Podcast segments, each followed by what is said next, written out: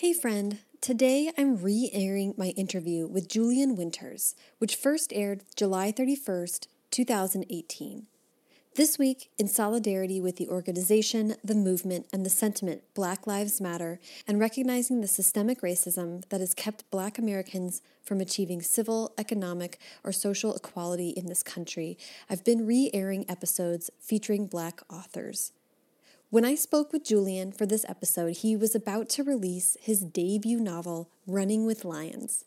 Since then, Julian has released How to Be Remy Cameron, and his latest book, The Summer of Everything, comes out September 8th. Visit the show notes of this episode for links to buy Julian's books and all of the books that he mentions from Black owned bookstores. Enjoy the conversation. Hi, Julian, how are you? I'm great, great. How are you doing today? I'm, I'm doing so well. Thank you so much for meeting up with me. Thank you for, inviting me. yeah, and for answering my random emails and. oh no, they weren't random at all. It was it was more like me jumping up and down um, about it. So yeah, Yay! well, I'm so excited to chat today. As you know, I like to start these interviews at the very beginning, which is where were you born and raised? I was born in Tampa, Florida, but I was actually raised in upstate New York. Around uh, Kingston, New York is where I was raised, so it's closer to Albany, mm-hmm. and then we moved to Vestal, New York, which is closer to Binghamton, New York, and I spent gosh, I don't know, 12 years up there and then moved down to Atlanta. I've been here since. Okay. Yes. Well, we'll slowly get there, but I'm curious about what brought you to Atlanta. it's very different from northern New York. Very different. Super culture shock for me when I moved here. So, um, yeah. Oh, yes. okay, okay.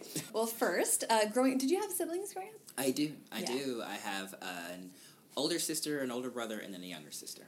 Aw, yes. you're like in the middle of the I'm brood. in the middle, yes. Any car rides, I was in the middle seat of the car always. that is such a good indicator of like life. You're like, what seat in the minivan? yeah, exactly. That that is that's exactly where where you are in life. Literally shaping your view. exactly, exactly. How was reading and writing a part of your growing up? Reading wasn't as much so only because I could never find characters or settings that were relatable for me. Mm-hmm. And so that was a struggle for me reading wise. I, it, unless it was mandatory in school, I probably didn't do it. Um, wow. Yeah, but writing wise, I did all the time just because watching TV and things like that, I wanted to, I always wanted to change the ending. I always, I did. I, I, am just gonna fully admit it. Whether it was a cartoon or a sitcom or something, just wanted to change the ending. So I was always writing and creating new things. That's such an interesting impulse to me, knowing so early that like, well, I see it differently, and I'm going to change it. yeah, yeah. It was it's, it's the weirdest thing because I thought it was just natural, and then you and I go talk to my friends, and they're like, "What are you doing?" Yeah, so like, it, was, it totally wasn't natural. That's so funny. So interesting that so like TV and movies sort of was a main like artistic intake for you. Yes, yes, and in comic books, I was a huge comic. That's right. Yes, that's interesting because I feel like that's in the book category. It you know it when I was growing up though it wasn't, mm. but I definitely think it is. It is. It's full on story. There's development. There's character development. There's story development. There's great setting. Mm-hmm. You know, but growing up, I, I think people just looked at you like, okay, so you just like look at the pictures, and it wasn't for me. I was in I was in tune with these characters. You know. Yeah, yeah, so, yeah. yeah. Did you ever do any drawing or artwork? Yes, terribly, but yes. my dad, my dad, he's an artist. Uh, well, that's what he does, you know, on the side. And so I definitely took up after him trying to draw. It was not as great, um, but I look, I did it earnestly. Okay, I love all the time, always drawing. So. Were you always trying? Were you also trying to finish comic books differently? Yeah. oh yeah. I oh yeah. This. All the time. I, I I was terrible at comic book like doing the panels and everything, but I would just do a full on, you know, big picture and say, okay, well this is how it's gonna end. Uh, so yeah, I definitely changed that. I, mm-hmm. That's so funny. So I have a note here about fan fiction. I haven't been able to. I only found one brief reference to the fact that you wrote fan fiction, so I don't tell me it's everything. Like lock and vault, okay? No, tell yeah. me everything. Um, so the whole writing TV series or cartoons and everything that was kind of like my own little private thing, mm-hmm. and then uh, you know the internet came around, boom, and yeah. you start you know researching these TV shows and and whatnot, and you find out that there is this world called fan fiction and so I was like, you know, mind blown. Started reading some things, and I was like, oh, this is great. So I'm doing this privately in my, you know, by myself, mm-hmm. you know, reading it back to myself, but there's other people who read it and write it. And so I started in my teens doing it, but I didn't do it like hardcore. It was just like every once in a while thing, you know. I was into other things at the mm-hmm. time. And then later on, it kind of became my escape from, you know, reality. You know, I, I went through some like darker times and I didn't know how to, you know, get my mind away from that kind of thing. And then boom, I, I tripped into the fan fiction world again. That's. And um, yeah, so I did that for a long time. So you were you writing fan fiction in like high school? Later in high school. Okay. Beginning of high school, I, you know, I, just like anybody else, I was going through this awkward phase of just trying to understand myself. and that took up way too much time to do anything else. But later in high school, I, I would say towards my senior years when I started to get back into it. And then after I left high school, it was just like, this is my world. You know, I can, Yeah. I can, you know, be the adult, Mm-hmm. but still, you know, process who I'm, who I am and what I'm going through. Yeah, that's interesting. So tell me about the worlds that you wrote within. Oh wow. Okay. I'm not giving myself away too much here. um, you'll be on the hunt, I'm sure. Everything was just like sporadic. It was just like just to write really, so I wasn't really in in. But I did American Idol, which Ooh. was it yeah, yeah. I didn't even knew that world exists. And Live Journal, I tell you, you can find the world on Live Journal. Okay, what you think doesn't isn't there is really there. Um, so Live Journal, I was on there uh, just to do you know freelance writing kind of stuff, and then boom, American Idol came around. I did that for a little while.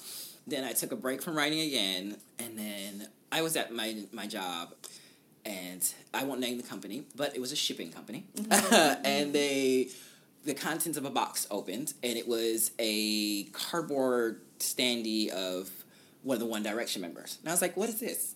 Who is this and why is this out? And I so I naturally Google, you know, is everybody's friend when you just want to know stuff. Mm-hmm. So I Googled it and I was like, oh, this is interesting how big it is, you know, because for me growing up, I was, you know, I was Britney Spears, Christina Aguilera, Backstreet Boys, and NSYNC, all that good stuff. And so I was like, oh, it's a whole new generation of this. Mm-hmm. And I, I tripped into the One Direction world and fell down the rabbit hole and it was there for a while. That's where most people would, you know, know or of me. It was One Direction. I would have read your Yes. stuff. Yeah. So I it's so funny because I have like several friends that were in this. Really? One it's Direction so hard for me. world. Like it's a world, but then when I go outside and think I'm gonna meet people outside, but I never do. I Yes. never do. All right. Well, I have some names. I'll give you offline. But um, I'm interested in you were saying that you were using this writing to sort of. I mean, it's an out. Writing is an outlet for all of us, but you were working through some stuff. Yes. What were you processing? How? What? What kind of fiction were you writing? I always, it's I, I couldn't write canon for the world. I, cou- I couldn't do it. I always wrote some alternate universe. And all it was was me taking moments in my life mm-hmm. and giving it a happy ending. So whether it was dealing with my sexuality, I, I you know, processed all that through writing fan fiction, whether it was dealing with race, mm-hmm. social background, feeling out of place. Like I said, growing up in New York versus Georgia were two totally different kind of cultures for me. In New York, I was one of maybe three black students in the entire school. And I never understood, you know, one, how I was one of three, but also I was never treated different. I was treated like, you know, just everybody loved me and it was great. But then coming here, I was one of, you know, a hundred or something, you know, and I, it was just a lot of process with race and, and the fact that when I was there, I was just me. And when I was here, I wasn't considered black enough mm. because I grew up in the suburbs. And coming here, it wasn't like that. And mm. so I had to process that. I did. I did process some of that through fan fiction. I am still processing, you know, that part of my life. And then I just things in life, you know, you know, death of a family member, relationships, breakups, things like that. I just poured it all into you know fan fiction and said, you know, I'm going to give this a happy ending because I think we focus so much on the negative aspects of our lives and how that just brings us to a different place instead of saying, you know, it was just a moment. You know, why can't I recreate this into another moment? And, and I think it helped me a lot because it definitely changed my outlook on bad things. You know, things happen mm-hmm. And I process them or I carry them with me, but they don't stay long. They're not, they're almost like the carry on bag versus the luggage, you know? You, you just kind of put it on your shoulder, go about your thing, you know, do Mm-hmm. whatever. But the the luggage is where you put all the things that you you know really need to survive it. So Yeah, ooh, that's, I like that metaphor. That's so interesting that once again you're like, I'm gonna change the ending. yeah, that's it's always that's always my philosophy in life. Listen, this is bad, but I'm going to fix this. I, I think that's really sweet. I don't know. It's like obviously that's an important way for you to frame things. Yeah. So I don't want to skip out on about being a young athlete. Were you? I was not, thank goodness, because I cannot walk 20 steps without tripping. I am a hazard to the pedestrian public. I'm just bad. Um, so I was not an athlete, but I was friends with athletes. And what really inspired me was, I think the world of my younger sister. And I don't know, she's just, she's the shyest person in the world, but she'll just do the most adventurous, daring things. And she joined the soccer team in high school when I was just like, I'm so done with high school. I am done with this. I just want to hang out with my friends and that's it. But she joined the soccer team and I was like, okay, I'm going to be supportive of her. Mm-hmm. I went to games and it was the most electric environment for me. You watch it on TV, you watch sports and you're like, oh, this is exciting, but you never, like, there's always a chance where you can walk away. I can go to the bathroom, I can go do this, I can, you know, glance over and watch it if I want to. But mm-hmm. when you're at a live event, oh that electricity it just enters your soul and you you become the sudden fan Yeah. and so that's how it was um, that's what started my love for watching all kinds of sports because being in that live environment just was it was contagious That's so interesting that that that being a fan, being in the environment was your like was like the addictive part to you. yes yes not playing the sport which i know is you know so i don't know that really just buries itself into you and whatnot too Mm-hmm. but i think I think it is also easier being a fan for me because win or lose, I don't have to necessarily carry it with me. And being an athlete, I know you carry that with you. Yes. You know, you always with, with with any kind of thing. You know, whether you're an actor and you fail at something, whether Mm-hmm. you're just a writer and you fail at something, you carry those kind of things with you. So being a fan was much easier than actually being out there and being knowing I was going to be the reason we lost. It's true. It's that's so true. And you can always be the supportive one. You know, like Yeah. that's that's the role regardless of outcome. yes, I love that on your site you talk about that you can keep up with soccer and volleyball. that's it. Okay, don't don't ask me But for those anything are else. like for you know for like an American.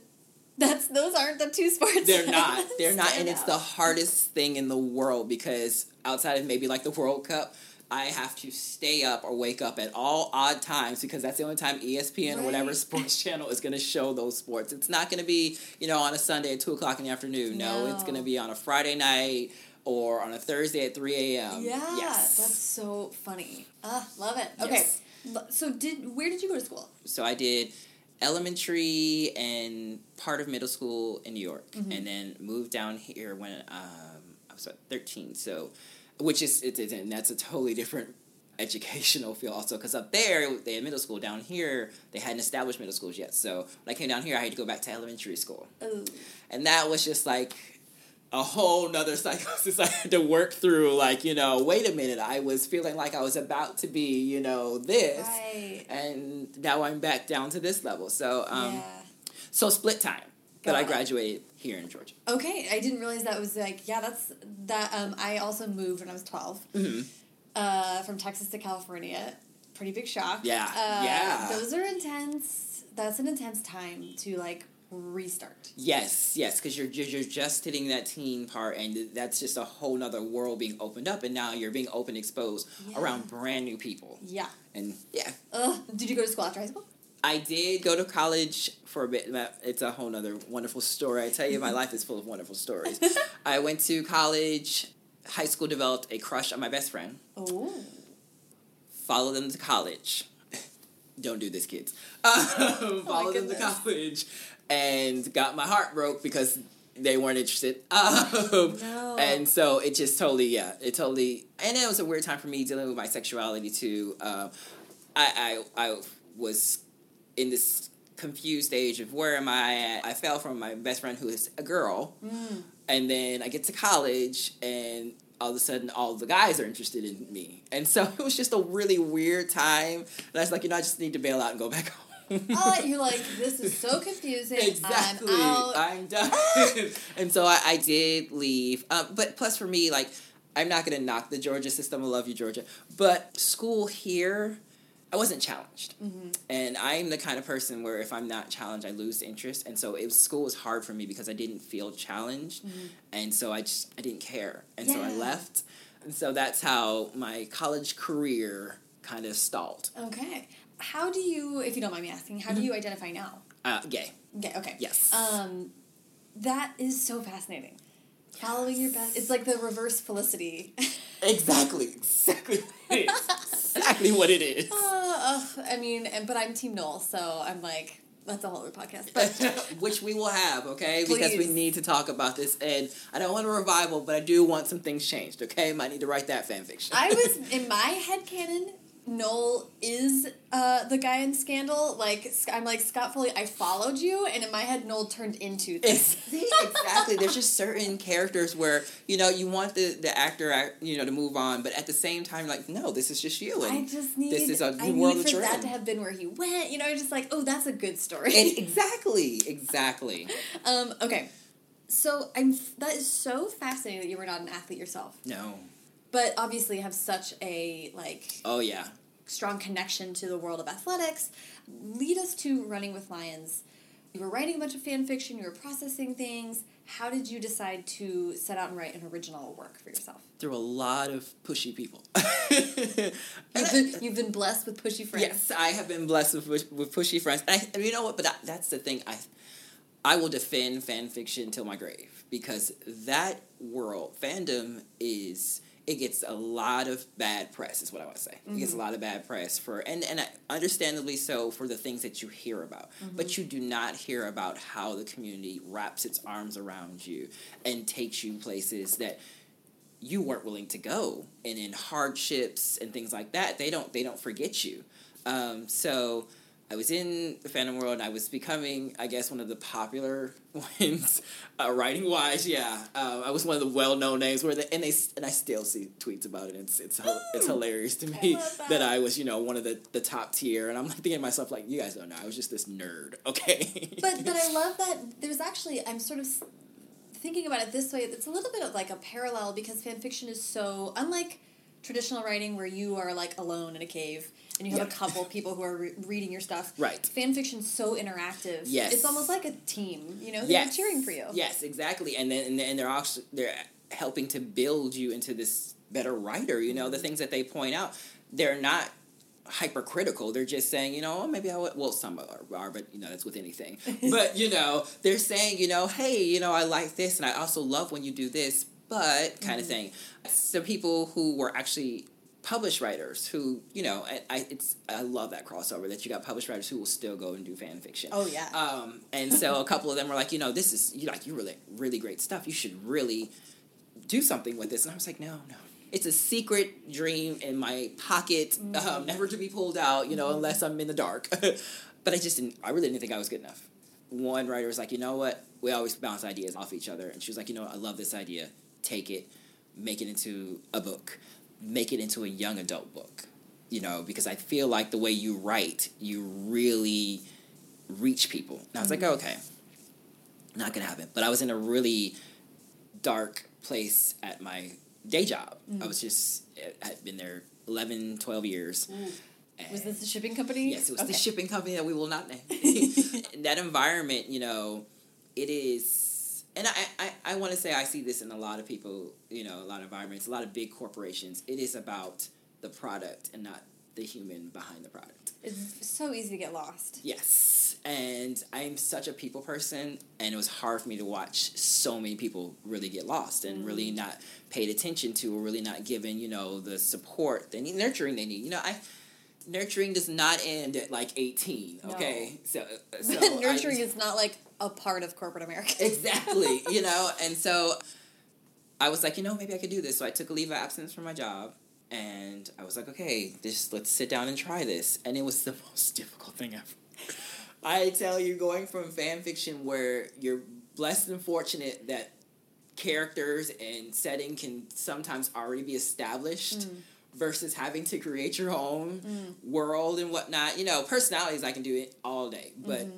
All that other stuff was just so so foreign to me. Well, that's interesting to me because you said that most of your fan fiction stuff was alternative. It, yeah, it was World. alternate universe, but I, it was never like you know, like when you're writing fantasy, you, have to be this master world builder. Mm-hmm. But when you're just writing contemporary things and whatnot, you're able to get away with you know, it's just a donut shop. I don't have to really Right. explain you know where the donut shop is located and in the interior and things like that. Or you kind of get away with certain liberties where people just really want they want the banter, they want Right. the, the love story, they want the you know plot twist or something. So doing all the other things and really being detailed about it was it was a new thing for me. But Yeah.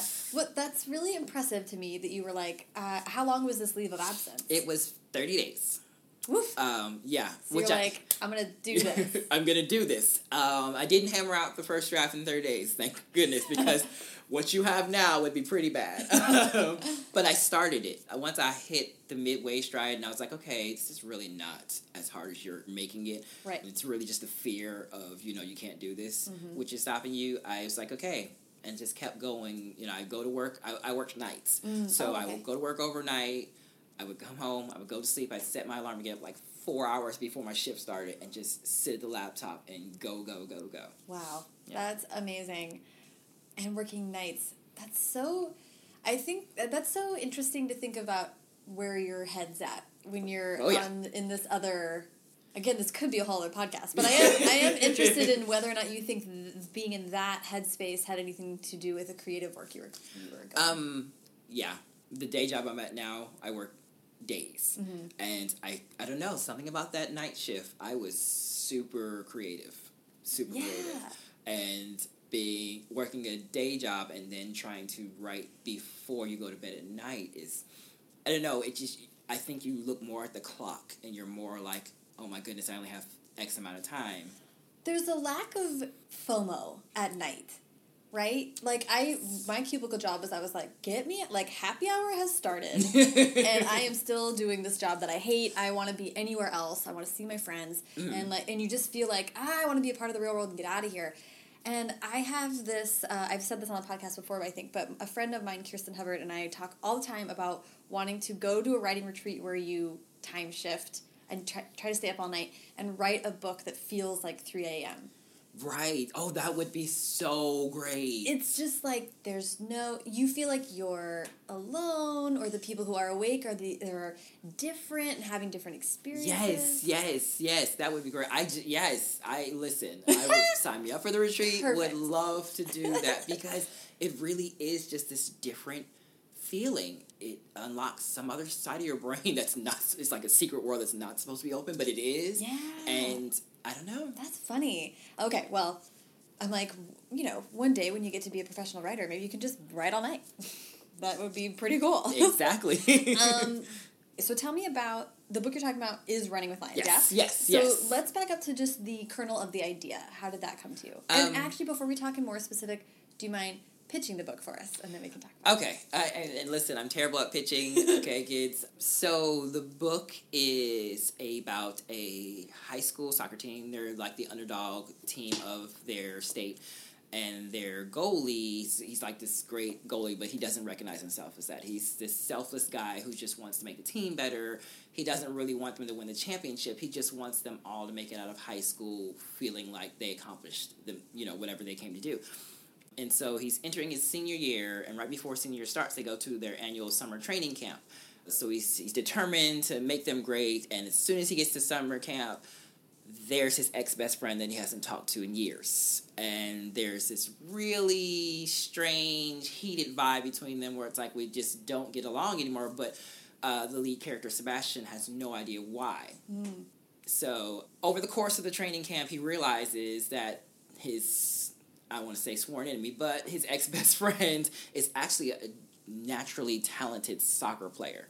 Even though he he's just the grumpiest person ever, he actually has untapped skill. And he's like, okay, I'm going to make you better so that our team gets better. And over the course of the summer, their heated anger and whatnot slowly dissipates into them realizing that, you know, we were great friends and there's actual spark of romance there. So he kind of spends the summer navigating, trying to make the team better, but also trying to make his relationship with his ex best friend better. things progress, things turn kind of bad, um, and I won't ruin the rest. I was gonna say- but it's just it's just really good summer feel good kind of novel where I was just determined to make sure that people understood that not everything has to be this dreaded angst filled thing. It can it can have angst but still live in this exist in this happy inclusive world which was really important for me um, i guess i should throw that in the pitch that the team that they play for is super inclusive. The coaches teammates are all supportive of the players no matter what their sexuality is. If you can get the ball from point a to point b that's all that matters to them. Yeah, uh, literally the ball from point A to point B. Exactly. um, then let's go back to my question. What was the kernel of the idea? the kernel of the idea was one I, I was i needed a book where i think i was just in this really bad place with sports where i just got tired of not seeing anybody who was queer being supported Mhm. and they never ever got to come out of the closet until after retirement or after death Mhm. And it was just a, I was just like you know I, it can't be like that. It just can't be like that. I'm, I'm sure there are teams maybe they're not the big team that everybody talks about but there's got to be teams across the world where they have out members and they're supportive of them because they're just great athletes. Mm-hmm. So i said okay I, I need this. I need something like that. But i also was just you know I'm not saying I'm a tropey kind of person, but I'm a tropey kind of person. And you know, for enemies to lovers is just I don't know. It's it's just a good place to be for me. And so I was like, you know what? Hey, let me take a stab at this. Let me see if I could do this because I never ever did that. My my I was like the coffee shop king. Okay, Oh. I love coffee shop AUs or stuff like that where it's just mm-hmm. you know nice and organic, you know, coming together kind of thing. But I was like, let me try this. It it, it might be fun. And it turned out to be pretty fun. Yeah, so I feel like I mean this in the most glowing way possible. Like I can feel the fan fiction in your writing because it's so it is that coffee shop AU where the relationships are built through dialogue and interaction with the characters. It's like the most lovely character development stuff. Mm-hmm. But then yeah, you not not only put this like sort of arc of conflict, but sports having to like describe sports scenes. I mean, this is a whole challenging thing. Oh, oh wow. Yeah, listen, I commend anybody who writes any kind of sports fiction, who can, you know, do any kind of fantasy or Even, like, action sci-fi. Yes, scenes. action scenes, period. Yeah. If you can do action scenes, listen, I'd like to sign up for your class. Because it is so hard to do without it being over explaining of what thing what's happening or being too vague. Yeah. Yeah, Yeah. it's super hard. So Yes. that's why. And uh, I just interviewed Sara Farizan, who's so wonderful, and she, Oh, her new book is about basketball. Yes. She's a huge basketball fan, which I was like, you'd have to be. You know, like reading Yeah. her scenes, and I was like, wow, I actually like. I don't even know anything about basketball, but I'm following it. Yes, like it's so was- impressive. this is the biggest compliment I've gotten so far is people who say I don't even like soccer, but I, you know, I love this book kind of thing. It's like Yeah. yes, I all right, good. Because on the one hand, and this is what I was telling my mom about the World Cup. On the one hand, it's so challenging to write any kind of action sequence, Mm-hmm. but sports gives you this framework where the stakes are obvious. Yes, Goal.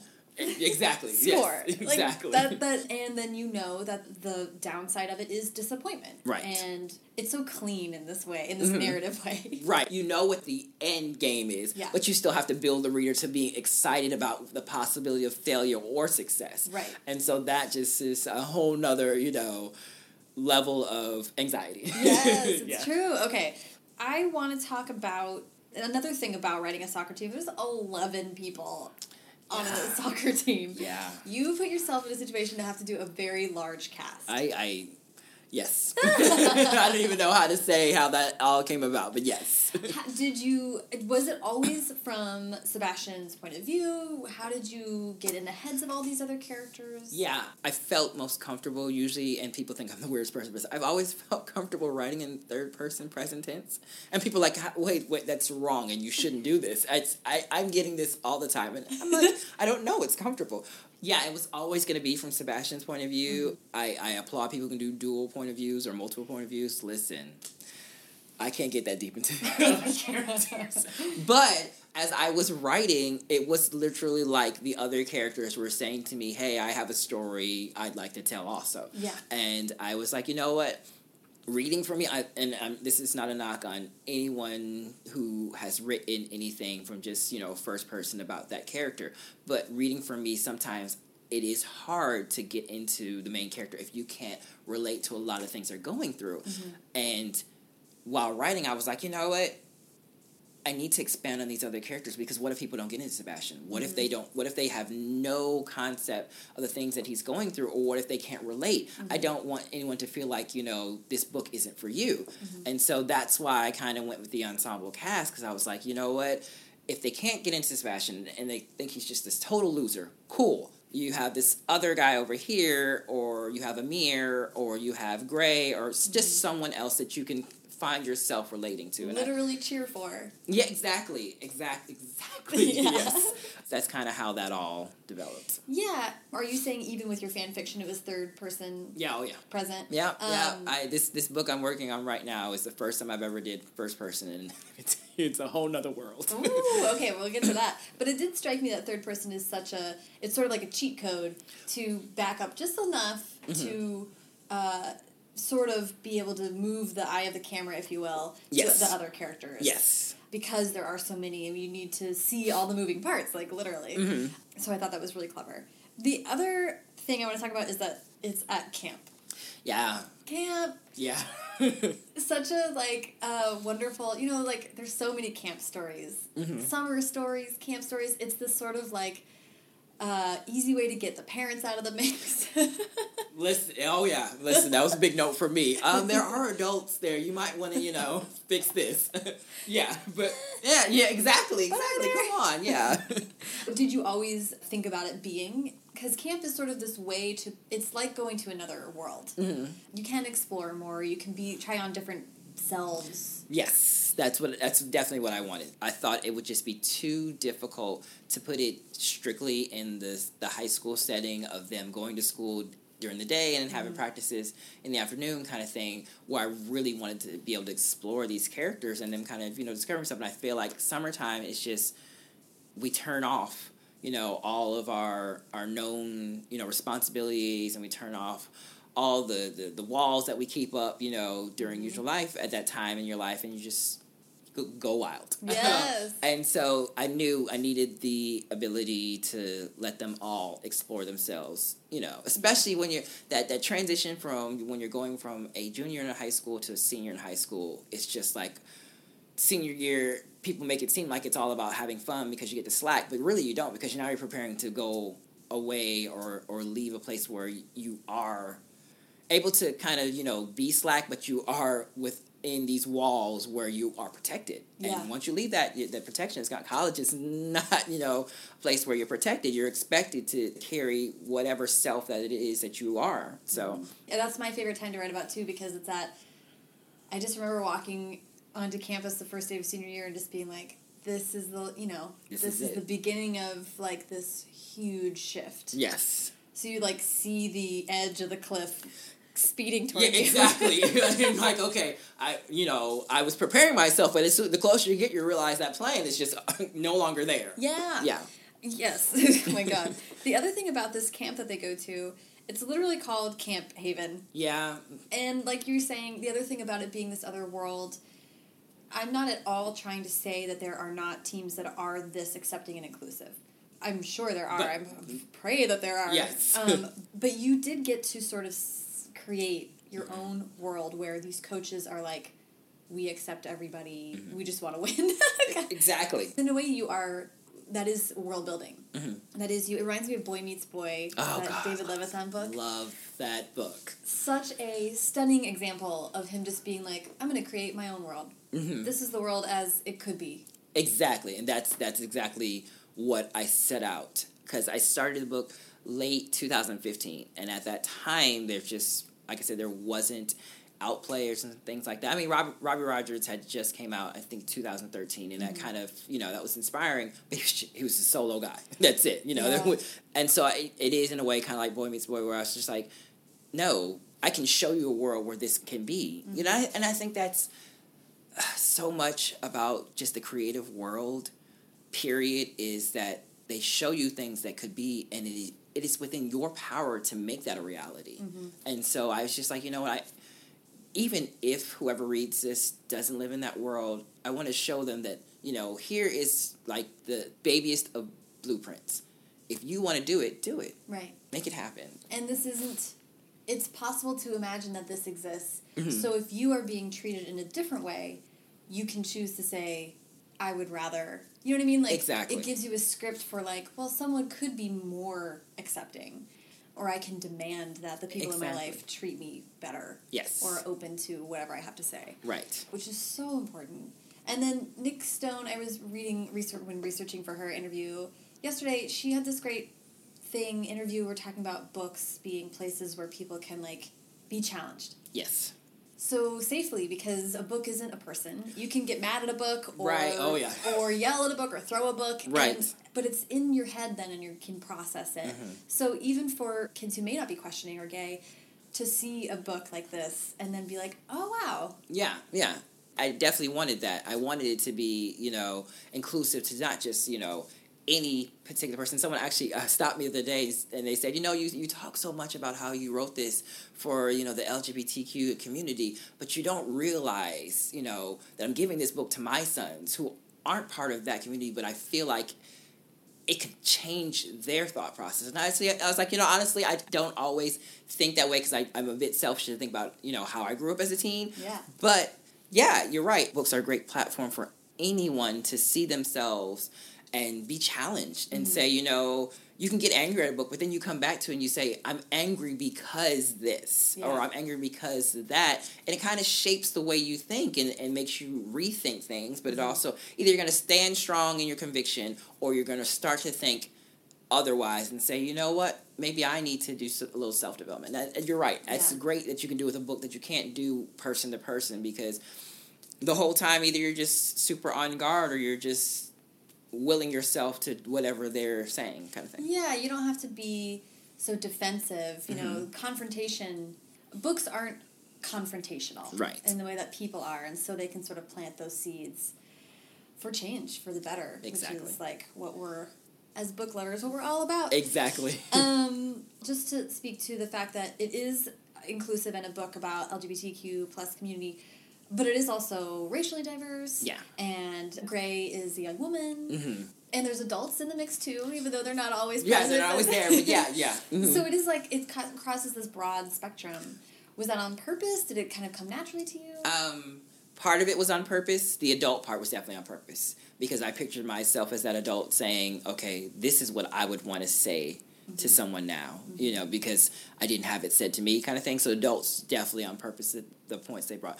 But as far as like uh, making it like diverse racially and everything, that was so natural for me because even living here in Georgia, the high school I went to, so racially diverse. And so that was just natural for me. And everyone's like, you know, well, I live in this small community and everything. And I was like, you know, I and I grew up in a small community up in upstate New York. And while I may have been just one black person, there was there was all other races there. You mm-hmm. know, it's it's not like you can just walk down the street and only see one thing. You know, so for me writing it, I was it's just natural. I just said, you know, there's there's Hunter the black guy, and there's Geo, you know, and there's Gray and whatnot because it's just I just think that's reality to, for Yeah. me. Yeah, which is great. The other thing that, and I'm just going to throw this out there and see what you think about it. The other thing I was thinking about was when it comes to sports, there are so many like ingrained stereotypes about like gay men and sports Mm. or about black men and sports. Yeah. That we put these expectations on how they will relate to those things. Yes. How were you thinking about that? I was thinking um, of chucking the rules. I just want to chuck the rule book so bad. Um, just because I think I've walked around so much of my life with stereotypes. That's just I. By the time I started writing the book, I was like, I'm just tired of it. I really am.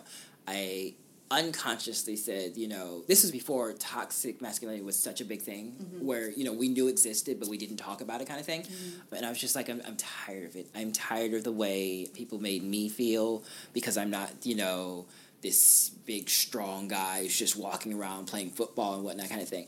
The stereotypes, I was just like, you know what? Why do they have to be there? I did include a scene later in the book to show that the world it does exist. It's it's I, it's not like I could just throw it away and say, okay, walk out into the world today and you're going to be just fine because that's not reality. Right.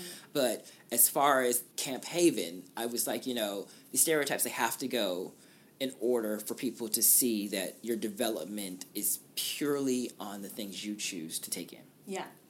It's such a cool subversion of it to be like, I'm going to take the sports story and show you just break it apart from the yes. inside and show you that everybody is an individual, like mm-hmm. regardless. Right, right. Because I and, and that was a point important part for me to show that even the tough do bros on the team, they still have their own issues that are relatable to the gay character to the bisexual character, you know, and that's what I, I needed to show that, you know, you you can be you can be, you know, the frat boy wannabe and still have feelings and still, you know, relate and have empathy and things like that. Yeah. So yeah, that and was still care about your teammate. Exactly. Yeah. It's very like I grew up loving sports, so to me I'm like that's it tugs on the heartstrings, all the sports stories about like then you come together. Right, because it doesn't matter. You see it. You see it whether you're seeing the uh, sporting event live or on TV when the game is on, those teammates, like they're a family, they're mm-hmm. a unit, mm-hmm. and all those other things that you know, physically or whatever, make them different.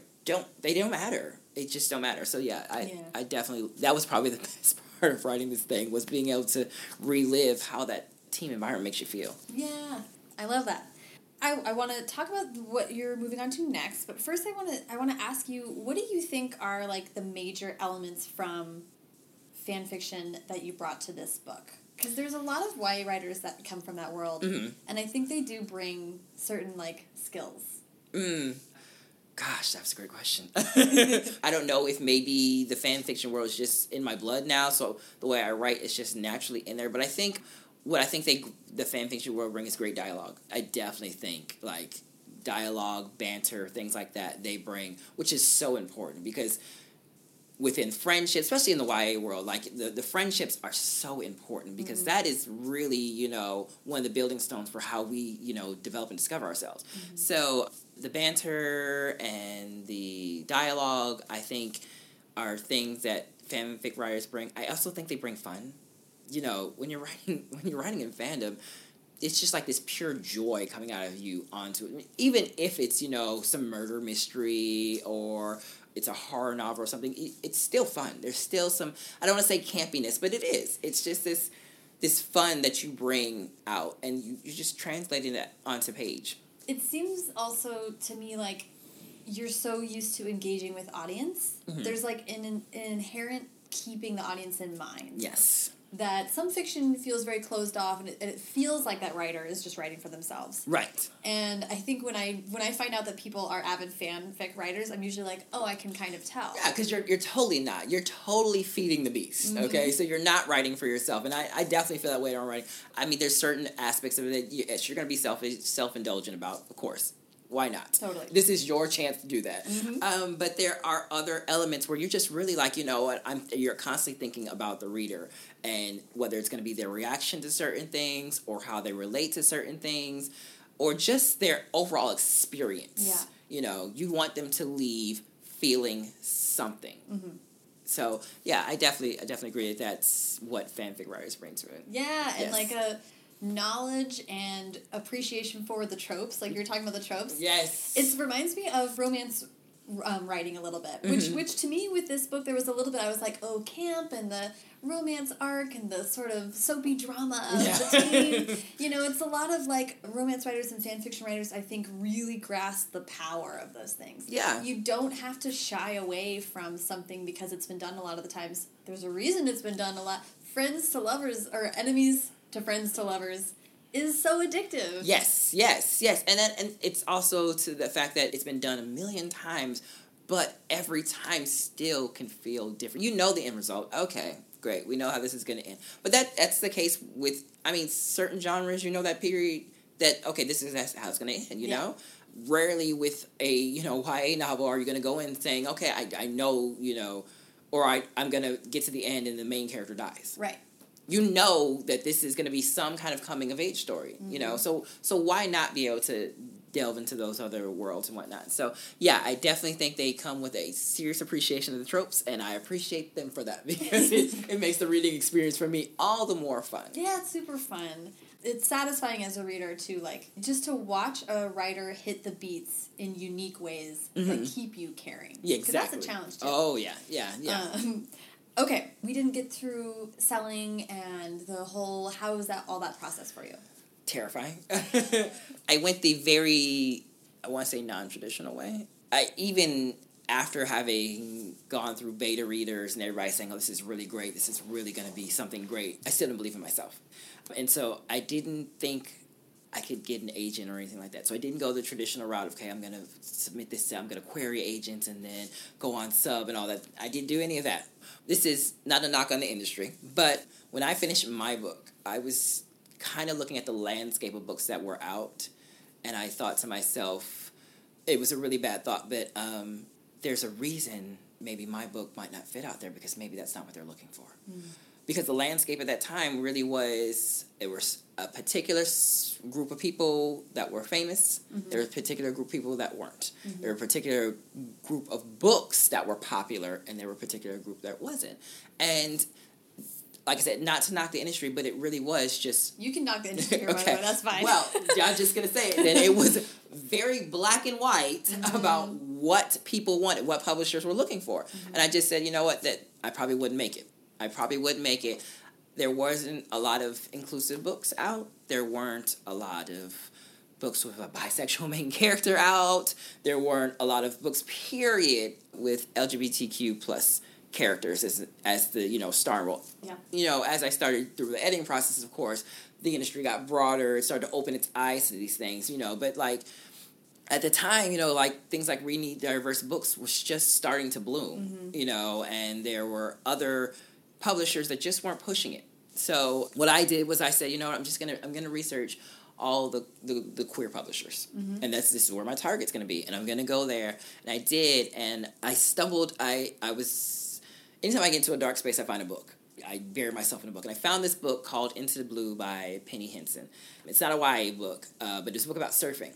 And I was like, okay, well, I just wrote a sports book. This is up my aisle. And then it was it was it was Friends to Lovers, and I was like, okay, this is where I'm going. And I started reading, and I was like, this is amazing. The writing was unbelievable, but I had never heard of it. I found it on Tumblr. Hmm. It was just, I, I love you, Tumblr. Yeah. Tumblr's the best place because they do all the great little you know book aesthetic posts and whatnot. Hmm. And that's I just stumbled upon it that way, and I read it. So this is amazing.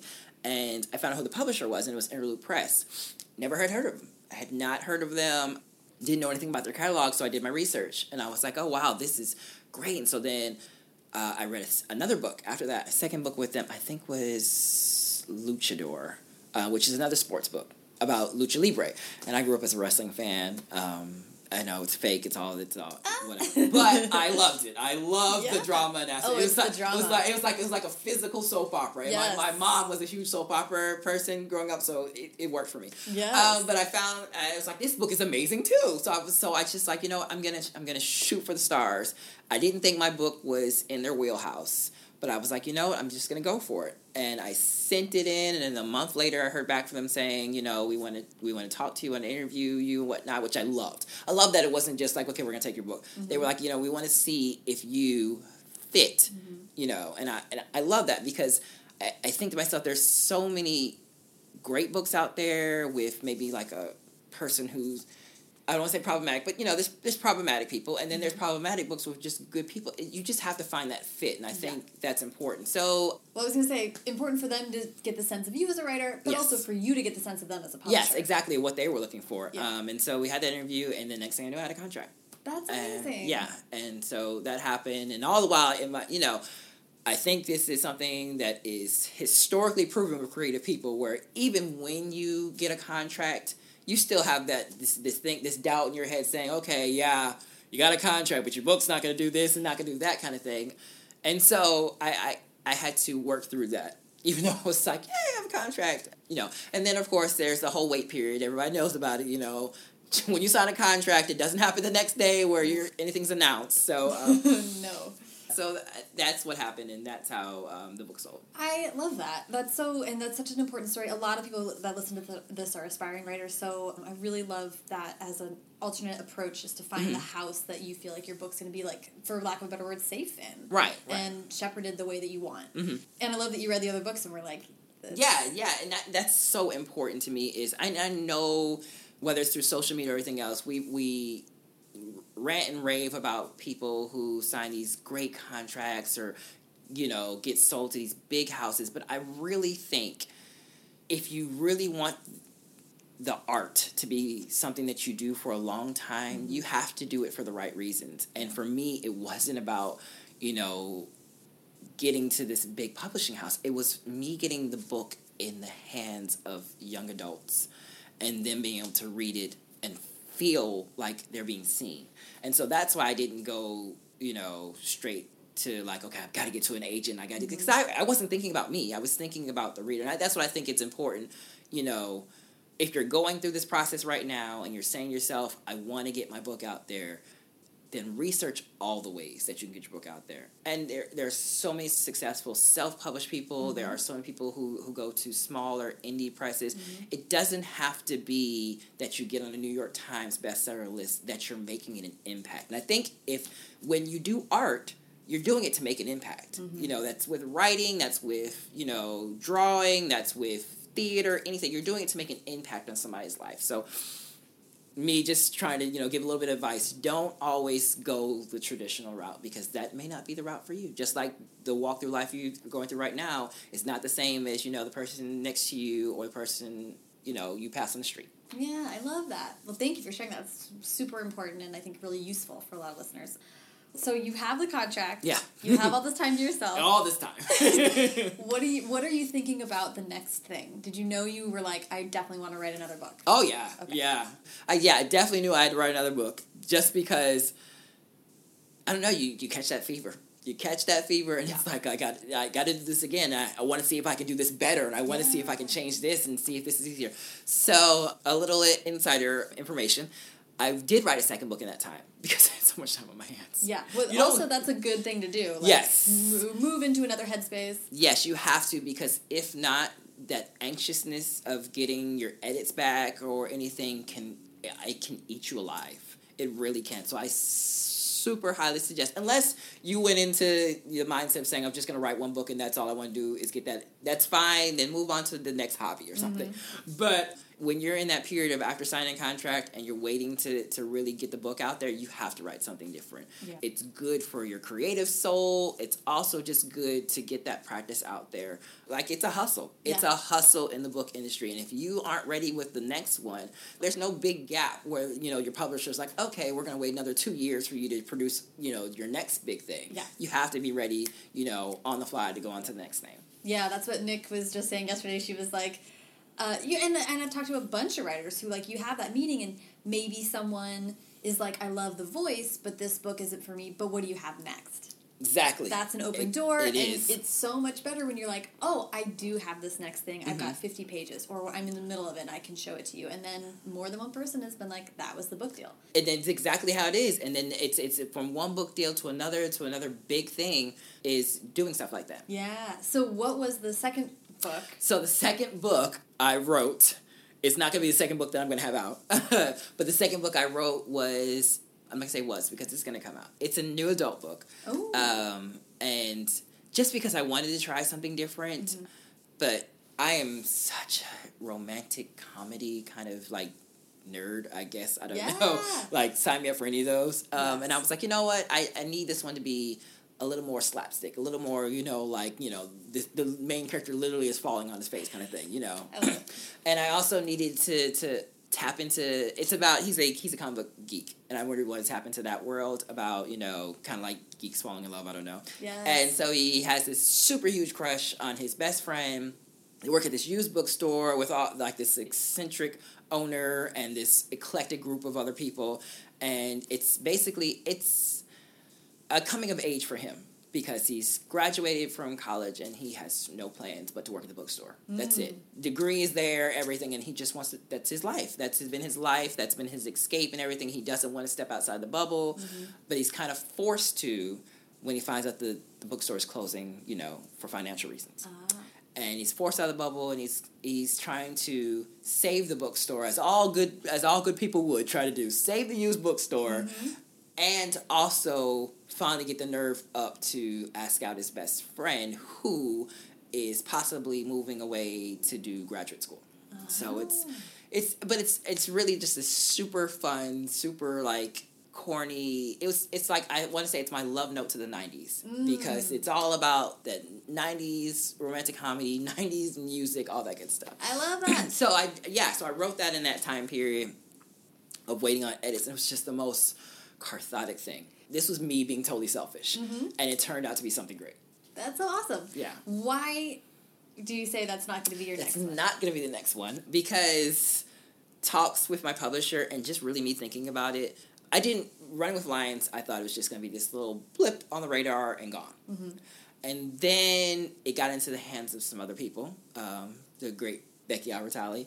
Um, it got into the hands of some other people. Uh, Patrice Caldwell. Uh, it got in the hands of Simon James Green, who's over in the UK, who wrote um, Noah Can't Even. Got in the hands of some other people who started talking it up and started making me a believer that it was a good book. Um, Yeah.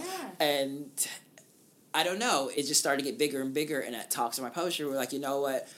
I thought it was a blip, but it was. It's actually something that's not a blip. It, it it's actually impactful. I was like, you know what? I, I have important stories to tell, and I've I shy away so much from doing really personal stories. Mm-hmm. I really do, even in fanfic world. Even though I could do these, al- I was doing these alternate endings of points in my life. It was always maybe like the surface shallow stuff, like a bad breakup or something like that. It was never the really deep stuff. And I said, you know, I have this story that's been in my mind forever that I want to do, but I really don't want to do because it's so personal. Mm.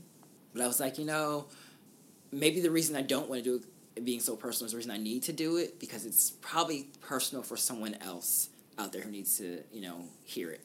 So uh, we had some talks, and I was like, you know what?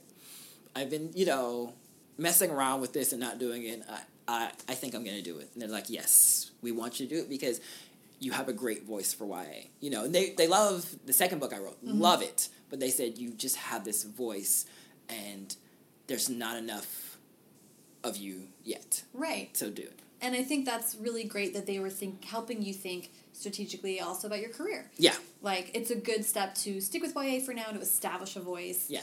To get readers that can rely on you for something, mm-hmm. and then you can kind of go wherever you want. But exactly. Yeah, and, and I at the time didn't think about it, but I look at so many parallels with so many other authors who are doing that now.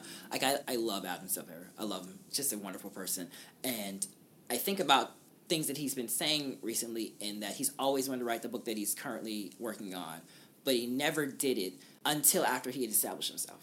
right. And now he's writing, you know, this book that he really wanted to write. Not to say he didn't want to write the other ones, because of course he did. He did a fantastic job, tears, with those. But and I think to myself that that's kind of what you have to do, you mm-hmm. know, in your career.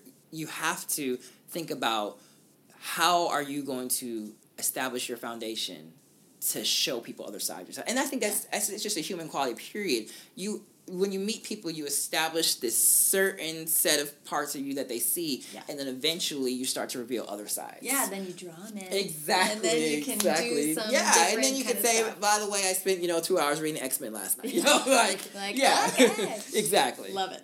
Yeah, and and also like building the skill, right? I Mm-hmm. mean, like I think some people might feel limited by saying like if you if your first book is a contemporary, you should probably follow it up with a contemporary. Like that can sound limiting, but it's also like you're gonna get better. You know, Exactly, trying it again, trying something different. It's a, it is drawing and expanding and enhancing your skill set. Right. Mm-hmm. For when you do make that leap, and then that leap is going to be a better book for it, all that good stuff. Exactly. You know, they think it's not challenging, but just just perfecting one skill set in the writing world is challenging.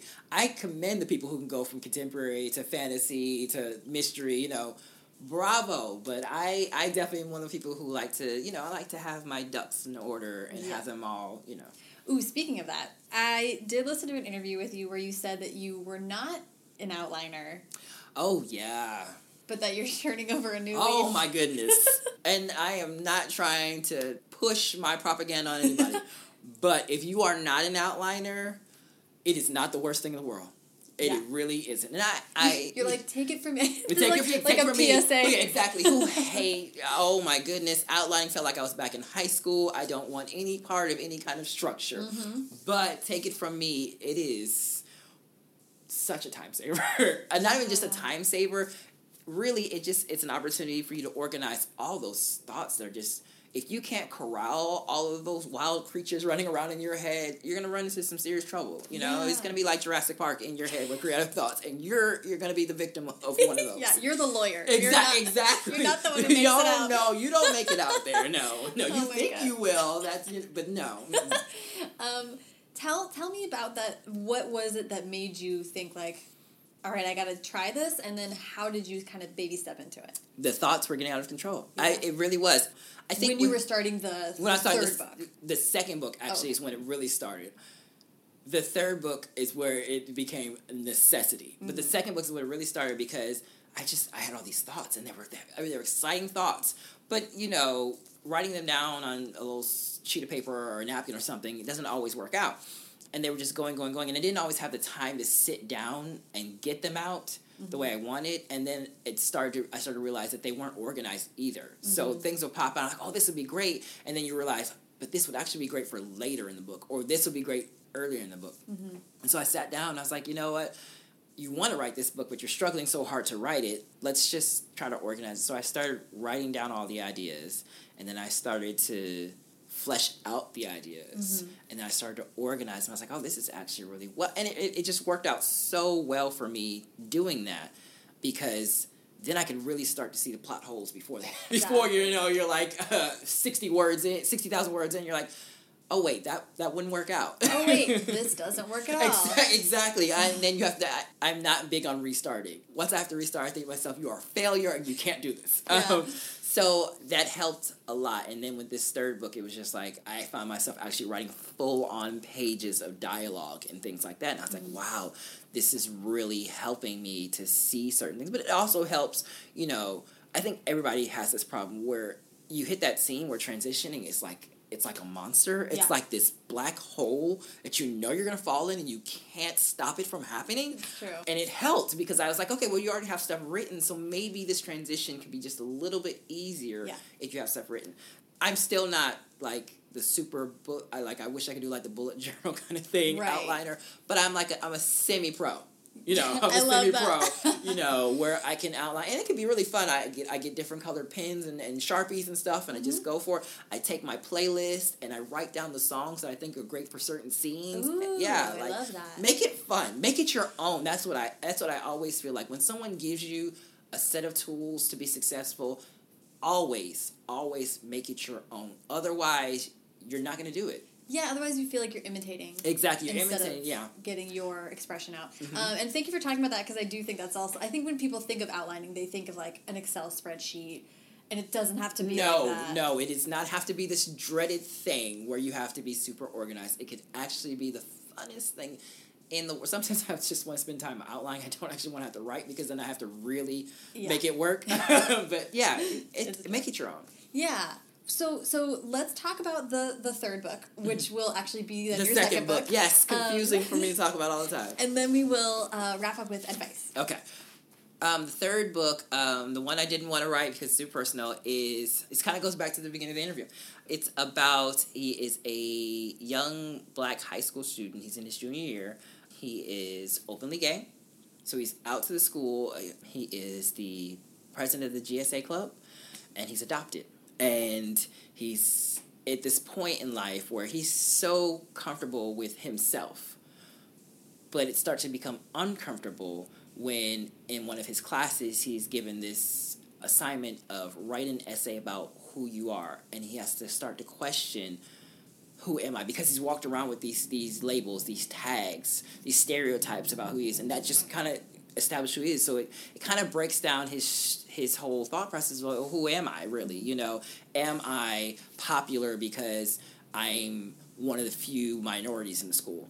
Am I popular because I'm the openly gay person? You mm. know, am I this because I I'm adopted? Am I that? You know, so it's it's really a book that kind of looks at how we let these stereotypes walk around with us on our shoulders and we get so comfortable with them we don't realize is this why people like me or this or is this why how people see me or do they actually see the inner parts of me?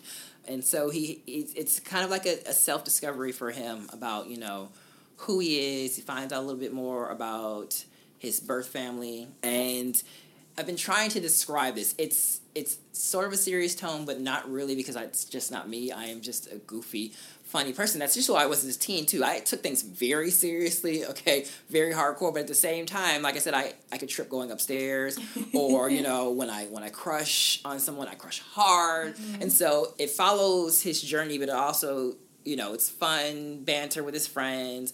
He's still healing from a bad breakup, and he kind of finds himself crushing on a friend of a friend unexpectedly. And so it kind of navigates that also but that also ties into okay but who do people see me as? Do they see me as this serial dater who you know gets in relationships for long periods of time and that's just all i am?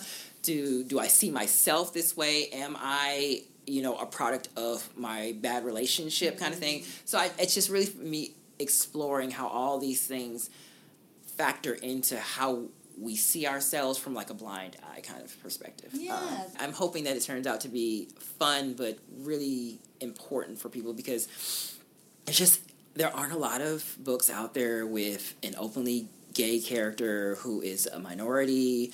There aren't a lot of discussions about things like GSA and you know that community. There aren't a lot of discussions that he deals with about adoption and about you know he's adopted by a white family and so he's living in suburbia like i said i, I grew up part of my life in suburbia and people just don't look at you know how that plays a fact how your environment plays such a factor mm-hmm. in your teen life yeah. Um, so yeah i'm hoping that it reaches different audiences that just you know need that yeah, that's amazing. Yeah. Do you have like an estimated release day?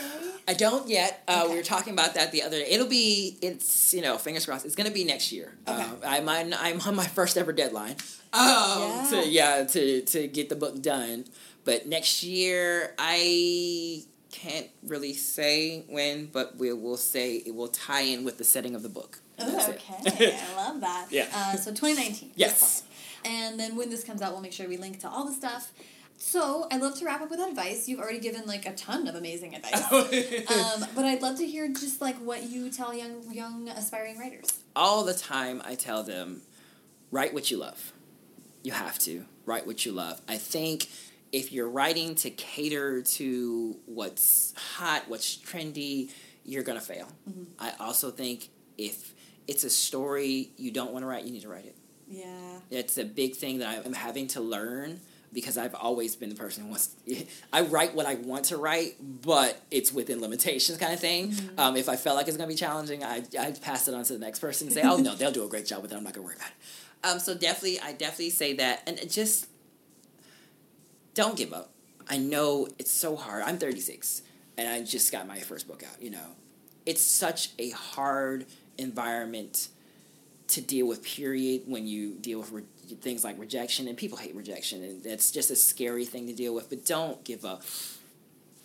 The road that you're on, it may not look like person A and person B's road, but that's the important part. That's the best part of the journey is that the road that you're on, it is strictly yours. Mm-hmm. There's there's no one else sharing this highway with you, you yeah. know. You you're on it by yourself and you can look to your left and right and see other people on their own highway, but keep going on that. And yeah, if your path doesn't look like everyone else's, that can be a benefit. yes, it is such such a benefit. Yes, and then the other piece of advice I always give is build relationships. Be kind to people.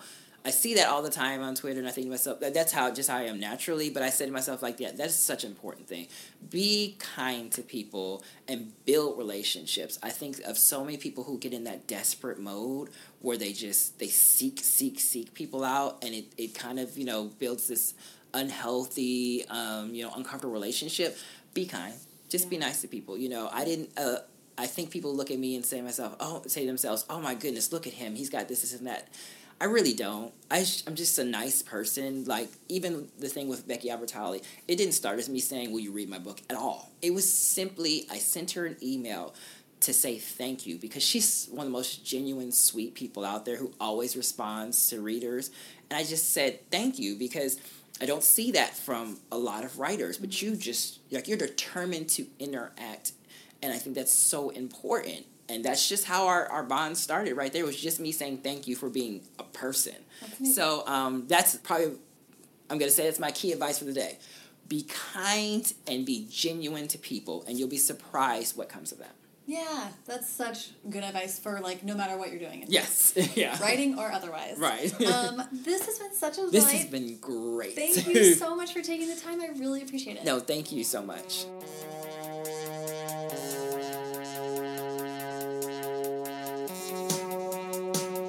Thank you so much to Julian. Follow him on Twitter at julianw underscore writes and Instagram at wintersjulian. Follow me in both places at Sarah Enni and the show at First Draft Pod. And don't forget to follow me on Instagram and like the giveaway post to enter to win an early copy of Tell Me Everything. For links to everything Julian and I talked about today, check out the show notes, which are on firstdraftpod.com. There, you can also find a link to a searchable Google Doc that has archives of all 150 plus previous episodes of this show. That's a lot of audio, guys.